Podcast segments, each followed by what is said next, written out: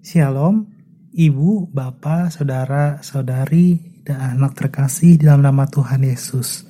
Kembali kita bersekutu secara media audio dalam kebaktian rumah tangga GKP Jatiasi 16 Juli 2020 atau secara kalender liturgi kita memasuki minggu ke-6 sesudah Pentakosta.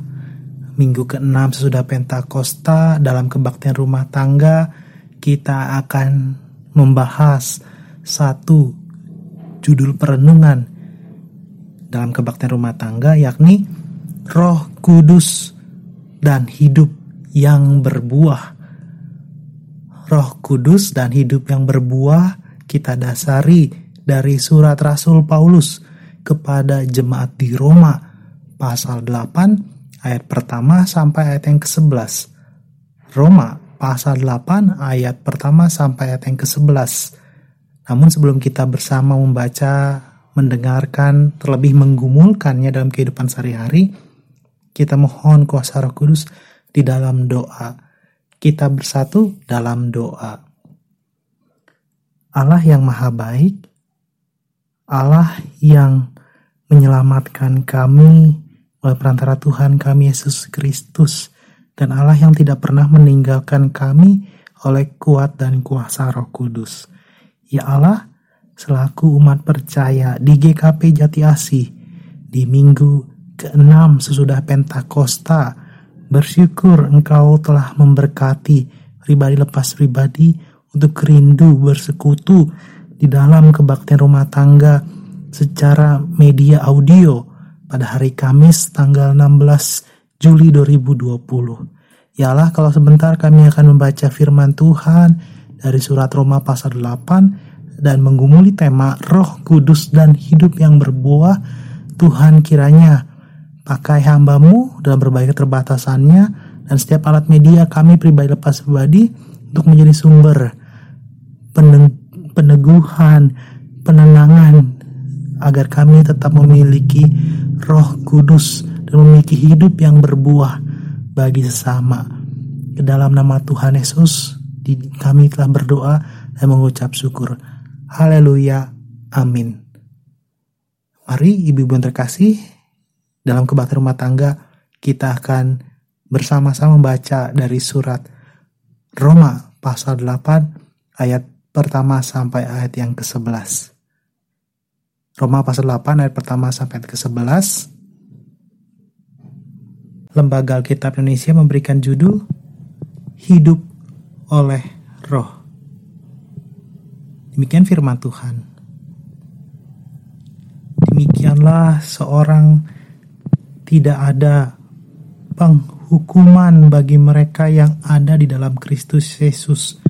Roh yang memberi hidup telah memerdekakan kamu dalam Kristus dari hukum dosa dan hukum maut. Sebab apa yang tidak mungkin dilakukan hukum Taurat karena tak berdaya oleh daging telah dilakukan oleh Allah dengan jalan mengutus anaknya sendiri dalam daging yang serupa dengan daging yang dikuasai dosa karena dosa. Ia telah menjatuhkan hukuman atas dosa di dalam daging supaya tuntutan hukum Taurat digenapi di antara kita yang tidak hidup menurut daging tetapi menurut roh sebab mereka yang hidup menurut daging memikirkan hal-hal yang dari daging.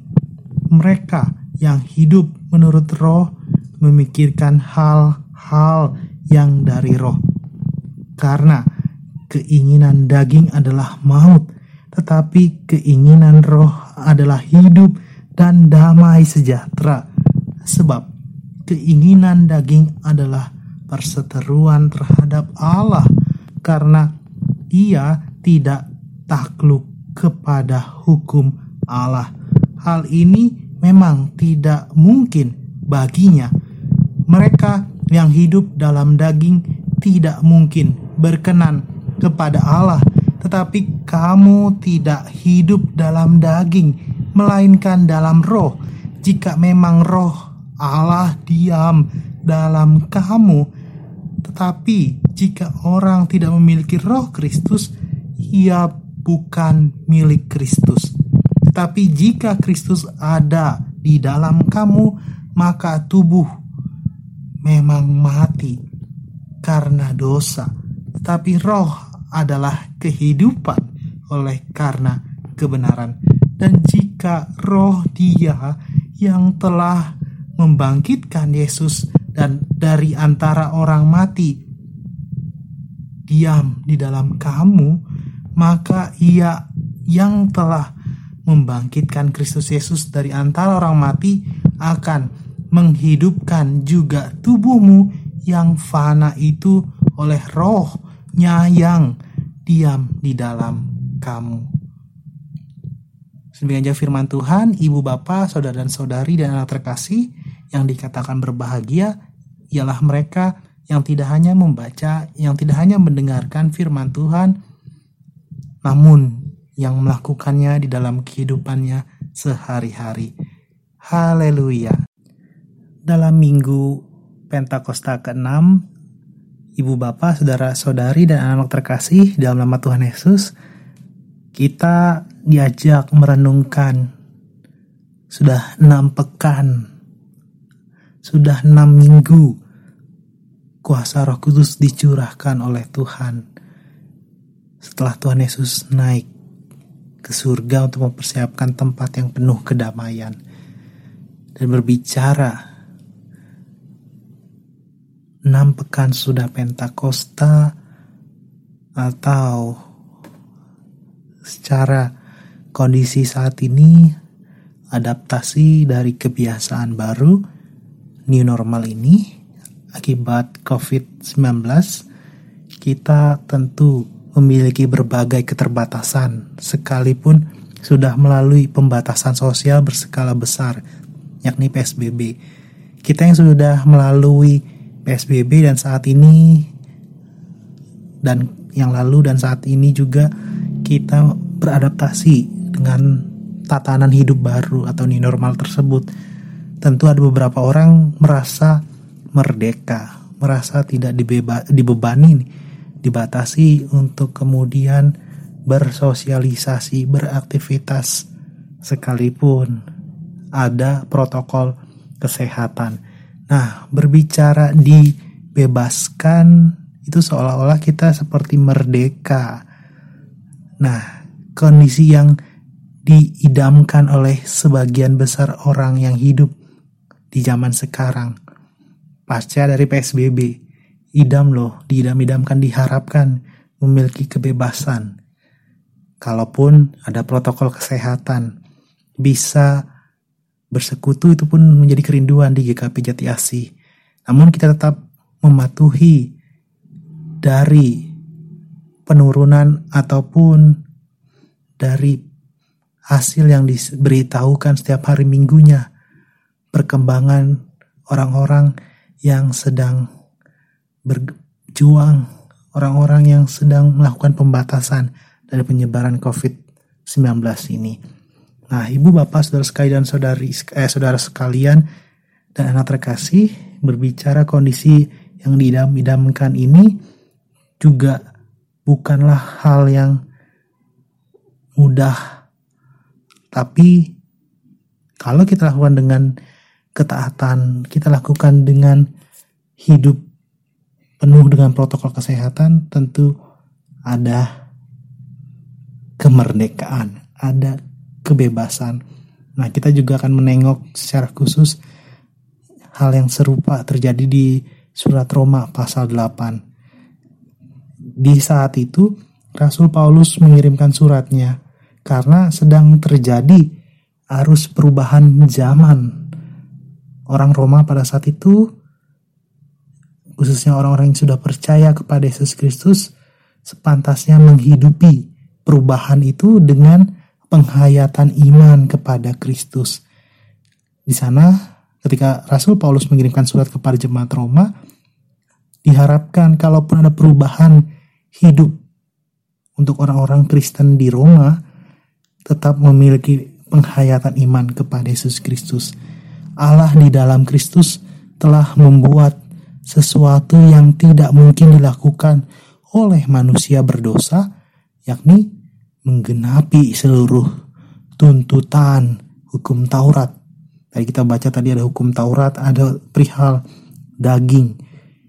Orang yang hidup di hukum Taurat akan menerima hukuman. Dalam arti kalau melakukan dosa. Akan tetapi Allah melalui perantara Tuhan Yesus Kristus telah hidup, telah melalui jalur salib dan bangkit. Dengan demikian, kita yang percaya kepadanya tidak lagi hidup menurut daging, melainkan menurut roh. Di ayat keempat yang tadi kita baca, Roma pasal 8 ayat keempat. Di sana, kalaupun ada kedagingan, ada dosa, tapi kita tidak menuruti. Apa yang harus kita turuti? Kehendak Tuhan melalui roh yang selalu menghiburkan, yang selalu memberikan penguatan. Lebih lanjut, Rasul Paulus mendasarkan bahwa buah yang dihasilkan dari hidup menurut roh ialah hidup oleh karena kebenaran. Nah, ini berbicara tema kita. Hidup di dalam roh dan hidup di dalam kebenaran. Dan utamanya di sana ada damai sejahtera. Dilakukan perbandingan. Kalau hidupnya menurut daging ialah maut. Nah, ini dua posisi. Kalau hidup dalam roh ada damai sejahtera. Kalau hidup menurut daging ada maut. Nah, ungkapan damai sejahtera dalam bahasa Ibrani dan sering kita ucapkan shalom atau dalam bahasa Yunani adalah irene merupakan pemaknaan arti kata damai sejahtera yang diberikan oleh Allah. Kita diajak untuk memiliki kesungguhan iman dan penghayatan kepada Yesus Kristus yang merupakan damai sejahtera bagi seluruh ciptaannya. Yesus Kristus telah memberi hidup untuk kita kemudian berbuah bagi sesama, bukan perseteruan yang bersumber dari keinginan daging. Maksudnya apa? Seperti jemaat di Roma, ada perseteruan. Maksudnya perseteruan seperti apa? Kalaupun kita diselamatkan, tidak berarti kita melakukan penghakiman kepada orang lain. Misalkan eh kamu berdosa, eh kamu, eh kamu, eh kamu, semua disebutkan. Tapi lupa, kalaupun mengajak tapi tidak sampai menjadi batu sandungan yang kemudian hanya menghakimi-makimi seperti ahli Farisi, Taurat, dan Saduki. Semua orang menganggap dirinya baik. Tapi tidak, Rasul Paulus bilang kepada jemaat di Roma, kita sudah diselamatkan, ajak. Kalaupun diajak tetap bawa dalam doa, bukan bawa dengan pemikiran secara manusia yang sedang menghakimi. Kalaupun mereka orang lain atau bahkan keluarga hidup tidak sesuai dengan kehendak Tuhan padahal sudah dimerdekakan, padahal sudah hidup di dalam roh, namun tetap mengikuti kedagingannya, tetap ingatkan, tapi kemudian bawa dalam doa. Tidak mendoakan yang negatif, tapi bawalah supaya Allah yang mengubah. Jadi bukan kita, tapi Allah lah yang mengubah. Sekali lagi, kalau kita mengajak untuk memiliki hidup dalam roh dan yang berbuah itu seperti apa? Ya kalau kita mengandalkan Roh Kudus, biarkan Roh Kudus yang bekerja dan di sana berbuah. Karena apa? Iman kita kepada Tuhan Lantas, nah kita bersama diajak di manakah letak kemerdekaan kita sebagai pengikut Kristus? Di mana kebebasan kita? Kalau tadi yang mengubahnya bukan kita tapi roh Tuhan melalui kuasa roh kudus. Nah letak kemerdekaan kita terletak pada terbebasnya kita dari hukum dosa dan maut ketika kita berupaya secara konsisten dan kreatif sesuai kemampuan dan kapasitas ibu bapak, saudara-saudari dan anak terkasih dan bahkan saya Kalau ada orang lain tidak sesuai dengan kehendak Tuhan, tidak hidup taat sesuai perintah Allah, di sinilah kebebasannya. Kita mengingatkan inilah kemerdekaannya, tapi yang mengubahkan bukan kita, tapi Tuhan. Nah, keterbukaan dan kesediaan kita untuk mau dipimpin oleh Roh Kudus menjadikan kita semakin bertumbuh dalam hal iman. Dan kita juga kemudian bersama-sama mau menghasilkan buah-buah roh yang diperlukan dalam menjalani hidup ini. Maksudnya seperti apa? Menghadirkan harapan, menghadirkan iman, tidak berputus asa, andalkan Tuhan. Mungkin agak akan susah bila kita membayangkan pada zaman saat ini di era new normal ini di adaptasi kebiasaan baru ini ada berbagai pergumulan tapi kiranya pergumulan itu tidak membuat kita sulit namun kalaupun kita sulit jangan membuat kita menutup diri jangan membuat kita tidak berbuah andalkan roh kudus. Di minggu ke-6 sudah Pentakosta diajak untuk berbuah. Nah, sekalipun melalui musim-musim yang sulit, ingat Tuhan tetap memberkati kita melalui hidup yang penuh dengan kemerdekaan, penuh dengan roh kudus. Di minggu ke-6 sudah Pentakosta dan minggu-minggu selanjutnya kita diajak untuk memberi penenangan. Penenangan seperti apa? Kalaupun ada orang yang lain putus asa, kalaupun kita sedang bergumul tetap ajak orang tersebut mengandalkan Tuhan. Dengan demikian di situlah kita saling bertolong-tolongan di dalam roh dan saling memberikan penghiburan. Dan percayalah ketika kita saling memberikan penghiburan mulai kuasa roh kudus, di saat yang bersamaan Allah sedang bekerja. Dan kalaupun waktunya lama, ingat bukan waktunya manusia, tapi waktunya Tuhan yang indah.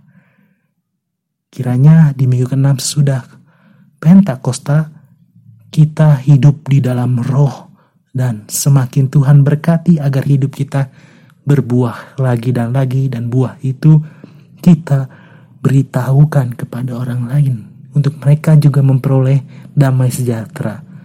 Tuhan Yesus memberkati kita semua. Amin. Mari ibu bapak saudara sekalian anak terkasih, kita bawa setiap pokok-pokok doa kita di dalam doa syafaat dan kita akhiri dengan doa Bapa kami. Kita bersatu di dalam doa.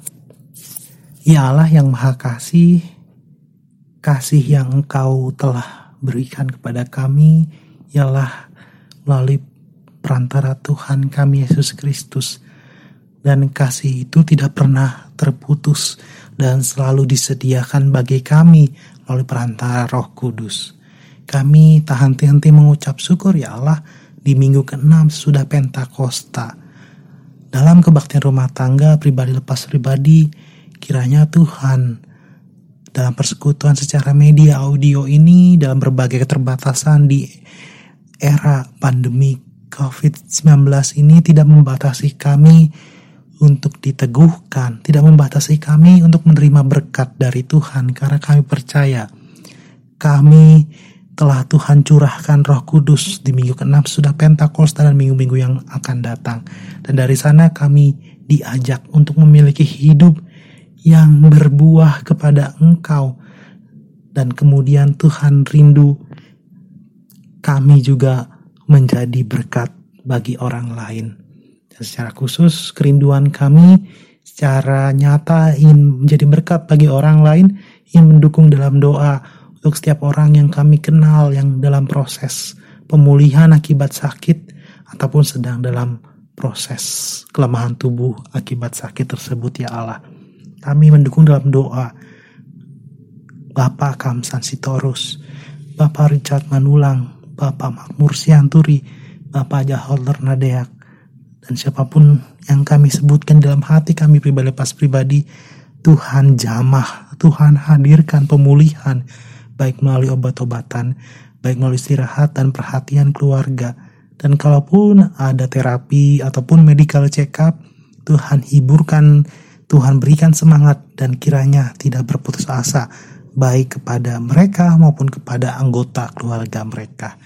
Ya Allah yang maha baik, selaku umat percaya di GKP Jati Asih, kami juga mengingat dan mendukung dalam doa untuk saudara-saudari atau orang tua kami yang Tuhan telah tambahkan usianya.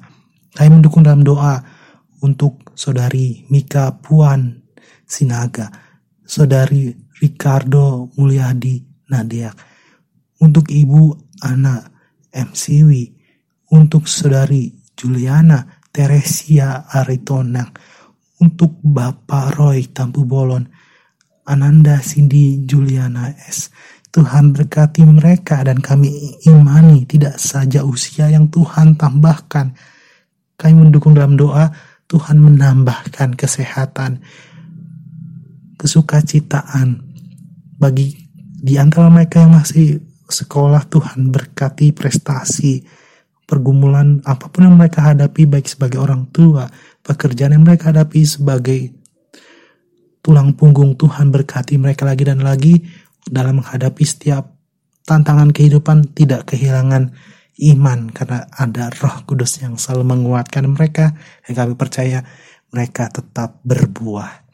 Ya Allah yang maha baik kami juga mendukung dalam doa untuk keluarga Bapak Charles Girsang dan keluarga Ibu Christina Albertina Uniputi.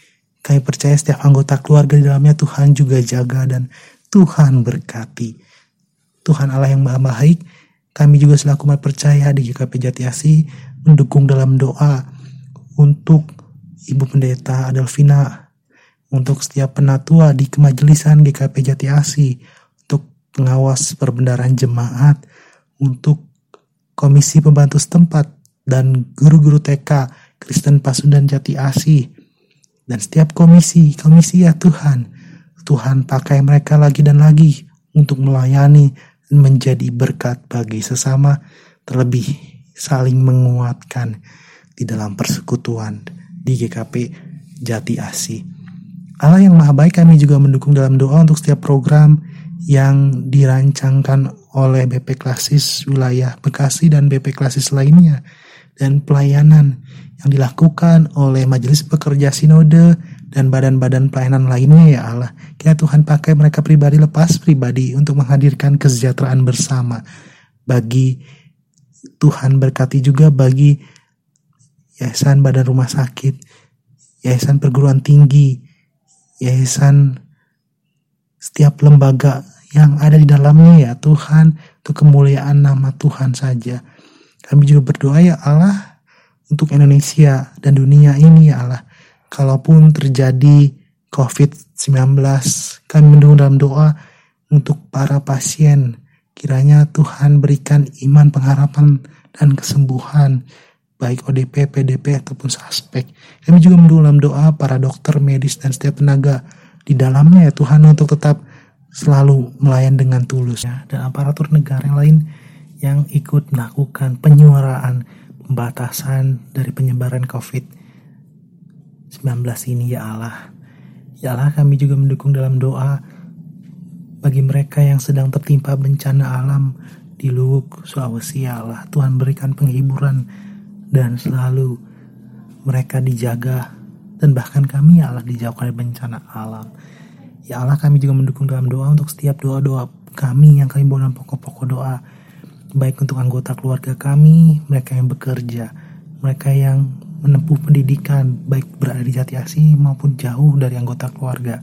Tuhan berkati lagi dan lagi. Kami juga berdoa ya Allah bagi kami yang merindukan partner kehidupan, merindukan buah hati, dan merindukan pekerjaan ya Allah. Tuhan berkati iman pengharapan kepada Tuhan. Dan kami percaya Tuhan menghadirkan berkat penghiburan di dalam kehidupan kami pribadi lepas pribadi. Ya Allah, kalau kami tahu siapa pokok-pokok doa kami ini jauh daripada sempurna, kami mau menyempurnakannya seperti itu yang Tuhan Yesus ajarkan kepada kami. Demikian. Bapa kami yang di sorga, Dikuduskanlah namamu, datanglah kerajaanmu, jadilah kehendakmu di bumi seperti di surga. Berikan kami pada hari ini man kami cukupnya, dan pula kami akan kesalahan kami seperti kami juga orang yang bersalah kepada kami. Dan jangan bawa kami dalam pencobaan, tetapi lepaskan kami pada yang jahat. Karena engkaulah yang mempunyai kerajaan dan kuasa dan kemuliaan sampai selama-lamanya. Amin.